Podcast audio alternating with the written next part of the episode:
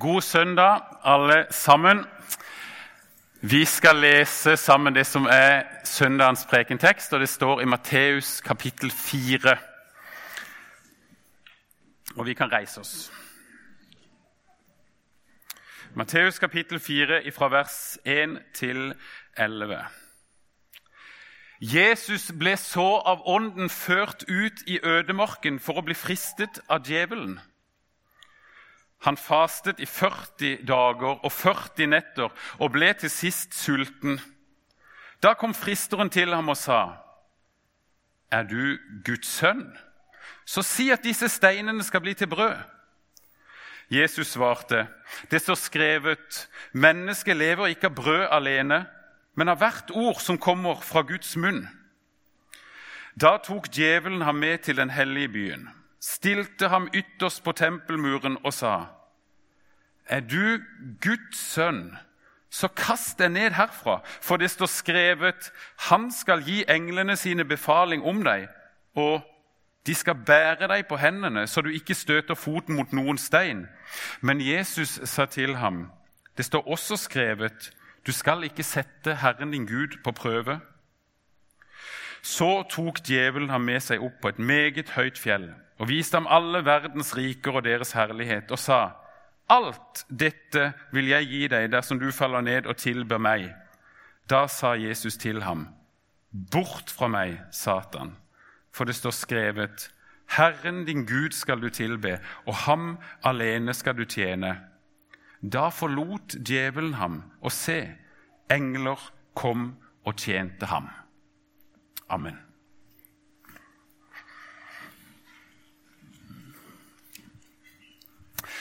Fristelser, det er noe lumske greier. Av og til så kommer de fordi at vi sjøl på en måte har utsatt oss for de. Men de kan òg komme snikende, eller som på en måte kasta på det når du minst forventer det. Og ofte så kan de inntreffe på det som er våre svake punkt. De svake punktene i livet vårt. Eller når vi ikke er helt på vakt. Jeg tenker på Peter, Jesu disippel. Han hadde sagt at han, han heller ville dø enn å fornekte Jesus. Og jeg tror, jeg tror oppriktig at Peter mente det. Han hadde med seg sverd i haven eh, når de kom og ville gripe Jesus. Og Peter han var klar til kamp. Han brukte sverdet, og han, hog, han hogde etter øversteprestens tjener. Det var ikke sikkert han var så veldig god med sverd, for han traff liksom bare i kanten og fikk øre, men allikevel. Han skulle sannelig forsvare Jesus. Men i porten til øversteprestens gårdsplass der gikk det galt. Det kom et spørsmål fra ei jente som vokta porten, nærmest som en slengbemerkning. Er ikke du òg en av disiplene til denne mannen? Peter, han som hadde vært klar for kamp. Peter, som skulle forsvare Jesus, og som hadde brukt sverd. Han som var klar til å dø for Jesus.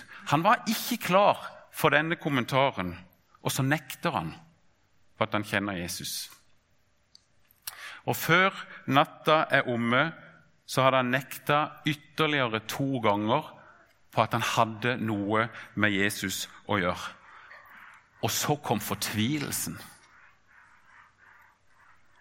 Han gikk ut og gråt bittert, står det i Lukas 22 og vers 62.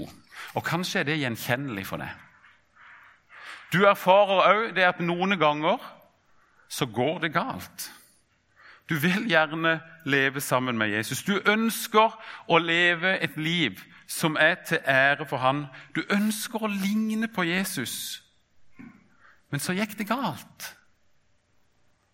Du gjorde noe som du aldri skulle ha gjort. Du falt i synd, og etterpå så bare kjenner du på den der fortvilelsen. Hva nå? Kan jeg være Guds barn når jeg er sånn eller sånn?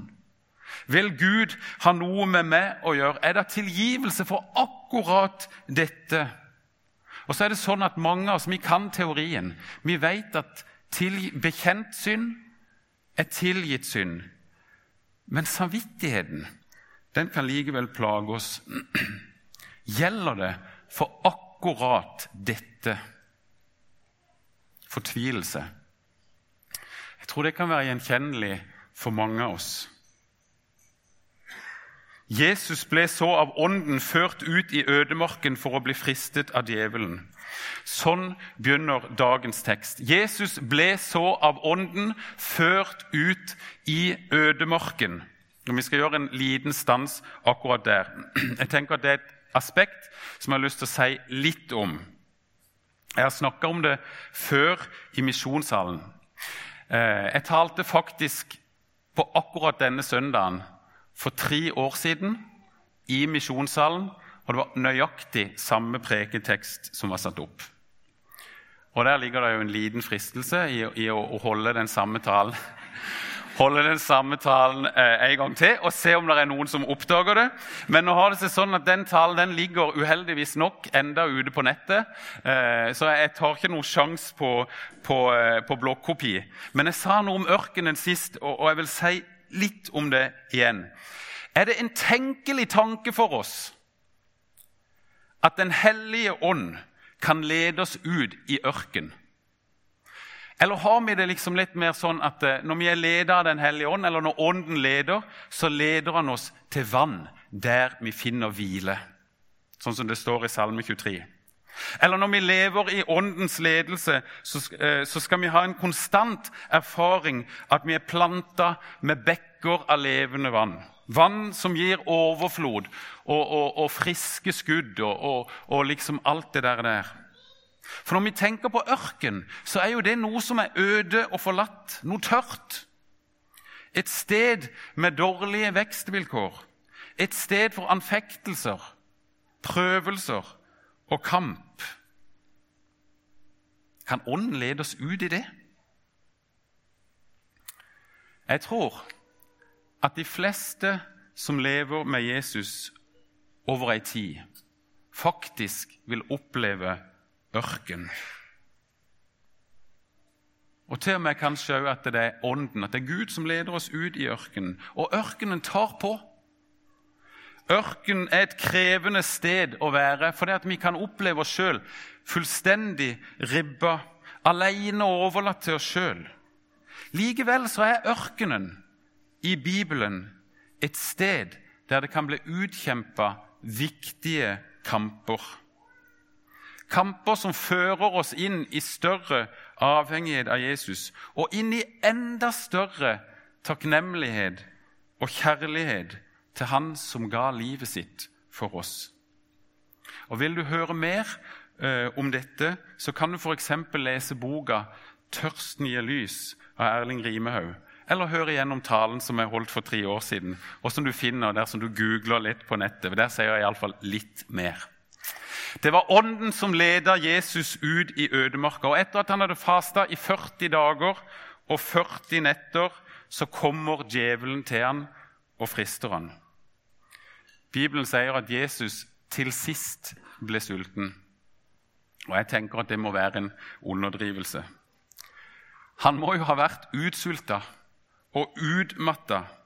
Tenk 40 døgn uten mat. Jeg vet åssen jeg sjøl er eh, når jeg ikke har spist på en stund. For ikke å snakke om hvis jeg mangler søvn. Da er ikke jeg på mitt mest åndelige, for å si det sånn. Åssen må det ha vært for Jesus? Aleine i ørkenen for 40. dag på rad uten mat. Da kommer djevelen. Og legg merke til fristerens strategi. Er du Guds sønn? Sånn innleder han. Strategien ligner uhyggelig mye på det som skjer helt i begynnelsen av første eh, Mosebok, når, når slangen kommer og frister Adam og Eva. Han sår tvil om det som Gud har sagt. Og Det kan godt være djevelen eh, sin strategi er sånn mot oss òg av og til. Har Gud virkelig sagt? Det er jo bare i kapittelet før, i Matteus at Jesus ble døpt av Johannes, og røsten, Guds røst, lyder ifra himmelen over Jesus. Dette er min sønn, den elskede. I ham har jeg min glede. Ordene ifra Gud når Jesus ble døpt, det er gjenklang av noe han har sagt tidligere. Vi finner det i Salme 2 og i Esaias 42. I Salme 2 så står det fra vers 7.: Han sa til meg, Du er min sønn, jeg har født deg i dag. Be meg, så gir jeg deg folkene som arv og hele jorden i eie. Og i Isaias 42 står det fra vers 1.: Se min tjener, som jeg støtter, min utvalgte, i ham har jeg min glede. Enhver jøde som hørte Guds tale over Jesus den dagen han ble døpt, enhver som kjente til de gamle skriftene, vil kunne gjenkjenne de utsagnene. Jesus var frelserkongen som skulle komme. Gud satte sitt godkjenningsstempel på han, og så sa han det er han. Det er han som er Messias. Det er han som er frelseren. Og han skal frelse ved å være min tjener. Den lidende tjener som vi kan lese enda mer utfyllende om i Jesajas 53. Han som ble såra for våre overtredelser. Han som ble knust for våre misgjerninger. Han som måtte lide og dø for at du og jeg skulle bli frelst. Det var det som var Guds plan. Det var det som var Guds vei. Det var på den måten Jesus skulle få folkene som arv og hele jorden i eie. Det var det som var kallets vei for Jesus. Og det er akkurat her djevelen setter inn sitt angrep. Han vil få Jesus til å vike av fra den planen som Gud ifra evighet hadde lagt frelsesplanen som Gud hadde for å kjøpe fri menneskene, for å kjøpe menneskene tilbake til seg. Planen som skulle redde det og meg, sånn at vi kunne bli Guds barn og få leve evigheten i sammen med Han. Han ville spolere den planen. Og alle fristelsene gikk på en måte ut på dette. Å få Jesus vekk, bort ifra den veien som Gud hadde planlagt for han for å fullføre vår frelse. Tenk hvor fatalt det hadde vært hvis Jesus hadde falt. Og tenk hvor fantastisk det er at han ikke gjorde det. Tenk hvor fantastisk det er at Jesus holdt ut i prøvelsene. At han gikk den veien som Faderen fra evighet hadde planlagt. At han bar våre synder. At han lei døden for våre synder. At han sona våre synder istedenfor oss. At han var rettferdig. Og at han vil gi oss sin rettferdighet som gave og si 'vær så god'. Dette har jeg gjort for deg. Dette har jeg gjort for at du med frimodighet og med rett rygg skal få leve i Guds nærhet. Uten Jesus og det som han gjorde, så har det vært, har det vært en umulighet. Men evangeliet er at det umulige har blitt mulig. Vi skal få være Guds barn på grunn av det Jesus har gjort. Han sto der vi falt. Jesus vant, og vi har vunnet. Djevelen han møtte Jesus med fristelser på det som var kallets vei for Jesus. Og Det er områder som sjelefienden kan sette inn angrep og, og på oss òg. Ofte så er det sånn, tror jeg, at det, at det som er våre styrker, våre evner, våre gaver, det kan òg bli ei slagside for oss.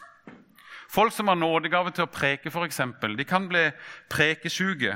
Og de kan stå i fare for å ville preike og belære i enhver sammenheng. Folk som har evne til å lede og administrere, ja, de kan, de kan få veldig lyst til å, å ha makt over andre mennesker. De som har særlig evne til å stelle med økonomi, penger og økonomi, ser også best hvordan de kan skaffe penger til seg sjøl og til sin egen fordel, og kan bli frista til å gjøre akkurat det. Og Så kunne vi ha lagd ei lang liste. Men jeg tror at vi gjør lurt i å kjenne, lære oss sjøl å kjenne. Å lære oss sjøl å kjenne på en sånn måte at vi veit noe om hva som er våre styrker, og hva som er våre svakheter. Da tror jeg at det er lettere for oss å gjenkjenne fristelsene. Lettere eh, å, å, å, avsløre når angrepene kommer. Enten de kommer fra djevelen, eller de kommer fra eh, vårt eget indre, eller de kommer fra verden rundt oss. Og Jeg tror det kan være hjelp for oss når vi blir frista, sånn at vi ikke faller i synd. For det er jo synda som er problemet her.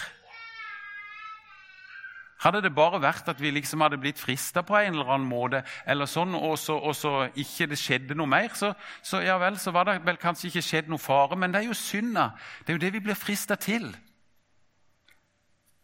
Synd er lovbrudd, sier Johannes i 1. Johannes brev, kapittel 3, og vers 4. Synd er lovbrudd. Og dere vet at han er åpenbart for å ta bort våre synder, fortsetter Johannes. Og synd er ikke i ham. Jeg har lyst til å lese noe for dere som den kloke svenske presten Bengt Pleiel har skrevet som refleksjon eh, over de versene, og som sier oss noe om hva synd er, og hvorfor det er alvorlig. Han skriver vi må vokte oss vel for å undervurdere synden, slik at vi bare omtaler den som feil og mangler. En svakhet ved temperamentet eller noe slikt. Synden er ikke en feil. Den er et opprør mot Gud. En voldshandling mot Hans hellige lov. Og det som skjer når jeg bryter forbindelsen med Gud, er ikke at jeg blir fri i stedet blir jeg sterkt bundet av de makter som står Gud imot. Vær den som gjør synd, er syndens trell, sier Jesus. Synd er lovbrudd. Når jeg synder, tråkker jeg over det beskyttelsesgjerdet som Gud ved loven har satt omkring dette sårbare menneskelivet. Ved synden tråkker jeg over det og går over til Guds fiende. Blir syndens trell. Men nettopp derfor var det at Jesus måtte komme. Han gikk ut på denne verdens slavemarked for å kjøpe fri dem som var treller under synden. Dere vet at han er åpenbart for å ta bort våre synder. Dette vet dere, skriver Johannes. Han, sikkert, han, har sikkert understreket det for deres bevissthet mange ganger, på samme måte som Paulus vil han ikke vite av noe blant dere uten Jesus Kristus og ham korsfestet. Jesus kom for å ta bort våre synder. I ordet 'ta bort' ligger at noe løftes av og bæres bort. Den som er tynget av synd og skyld, befries. Han kan rette ryggen og ånde fritt. Min syndebyrde blir tatt bort når jeg ser Guds lam som bærer verdens synd. Fest blikket ditt på Jesus. Han som bar syndene, våre synder på sitt legeme og opp på treet. Dette kunne Jesus gjøre fordi synd er ikke i ham. Enhver synd jeg gjør, binder meg hardt til syndens makt, men Jesus var uten synd. Han som ikke gjorde synd, og det ble ikke funnet svik i hans munn, Syndens makt fikk aldri herredømme over Jesus. Den fikk aldri fotfeste i hans liv. Det fantes ikke noe syndens bånd som kunne holde ham fast. Jesus var lydig til døden. Derfor har heller ikke synden noen som helst makt over den som blir i ham. Når Jesus har frikjøpt syndens treller, gjør ham dem til medlemmer av Guds familie. Når Jesus har tatt bort mine synder, tar han også meg bort fra syndens makt og drar meg inn i sin kjærlighetsmakt. Synd er ikke i ham, men det finnes en mengde benådede syndere i ham. Jesus møtte fristelsene med Guds ord, og det skal vi òg få gjøre. I Efeserbrevet kapittel 6 så skriver Paulus om Guds fulle rustning. og Han skriver til slutt bli sterke i Herren, i Hans veldige kraft.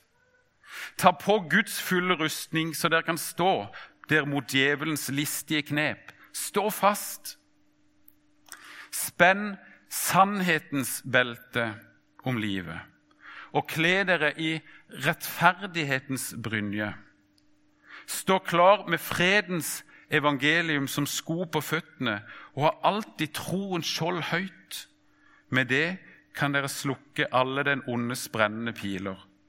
Ta imot Åndens sverd, som er Guds ord. Gjør dette i bønn, og legg alt fram for Gud. Bengt Pleiel er en av mine svenske helter. Eh, og Jeg tar med et lite et lite sitat til av han, så har jeg introdusert han for dere. Han har skrevet mye bra. Derfor bare leid han opp. Han skriver videre han har, gjort, har han gjort meg fri fra trelldommen og ført meg inn i Guds familie, så skal jeg bli der, i ham, i hans kraftfelt, omgitt av ham på alle sider. Da den fortapte sønnen kom hjem, ga tjeneren ham de beste klærne, den beste kledningen vi kan få er Jesu rettferdighet. For Jesus skyld får vi et rett forhold til Gud. Vi kan tre fram for Gud i Jesu navn, i tillit til Jesus og sammen med Jesus. Jesu rettferdighet hører med til Guds fulle rustning, som jeg ifører meg hver morgen. Den bevarer meg mot Satans snedige forsøk på å få meg til å framheve meg selv, og det bevarer meg i Jesu rettferdighet. Når Jesus blir min Herre, blir jeg fri fra synden. Slik skal også dere regne dere som døde for synden, men levende for Gud i Kristus Jesus. La derfor ikke synden herske i deres dødelige legemer, så det lyder dets lyster. Da du tok imot Jesus, så fikk du del i noe helt nytt som du ikke hadde fra før. Jesus han flytta inn i livet ditt og ga deg et helt nytt hjerte. Og det hjertet, det ønsker å ligne på Jesus. Det ønsker å glede han.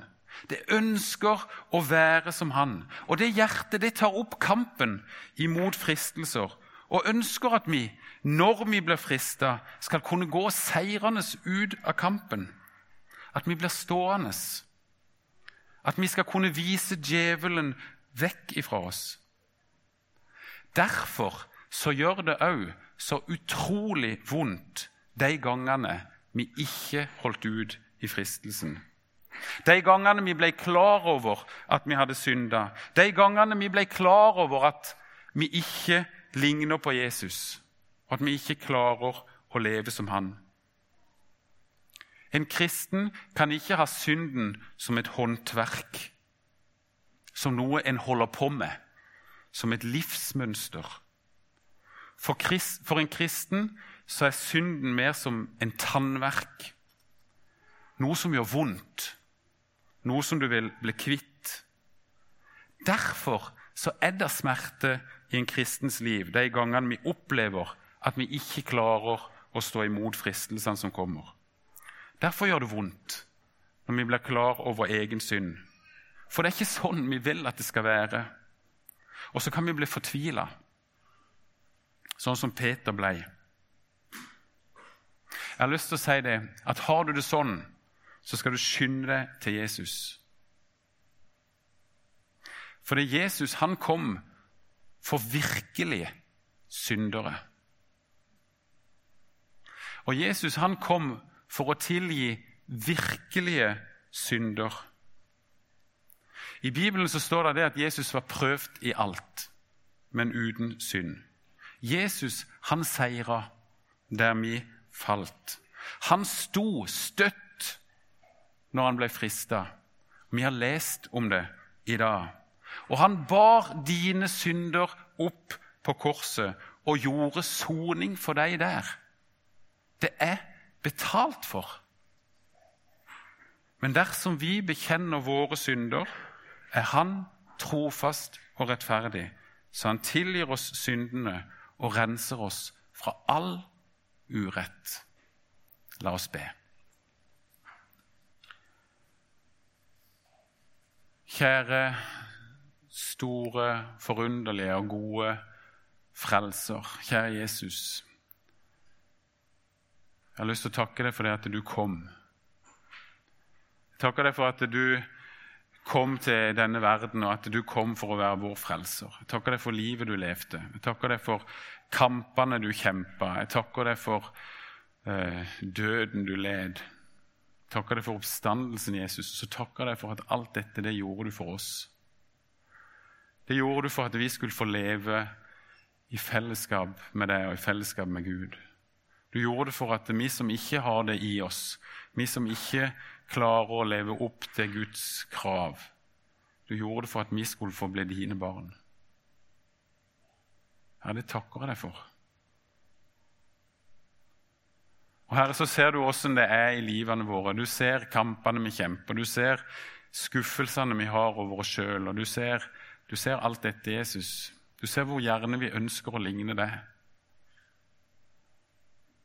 Og Herre, jeg ber om at du som har prøvd i alt Jeg ber om at du som, som kjenner oss og vet, vi, ja, vet hvordan vi er skrudd sammen Jeg ber om at du må stå med oss i kampen står det i ditt ord at du har medlidenhet med oss. Du vet åssen vi har det. Jeg ber om at du må stå med oss i kampen og hjelpe oss å kjempe. Og så ber jeg om at du må vise oss veien inn til det de gangene som det gikk galt. Så takker jeg deg for din favn som møter oss med nåde og tilgivelse. Og Herre, jeg ber om at det må forvandle våre hjerter. Amen.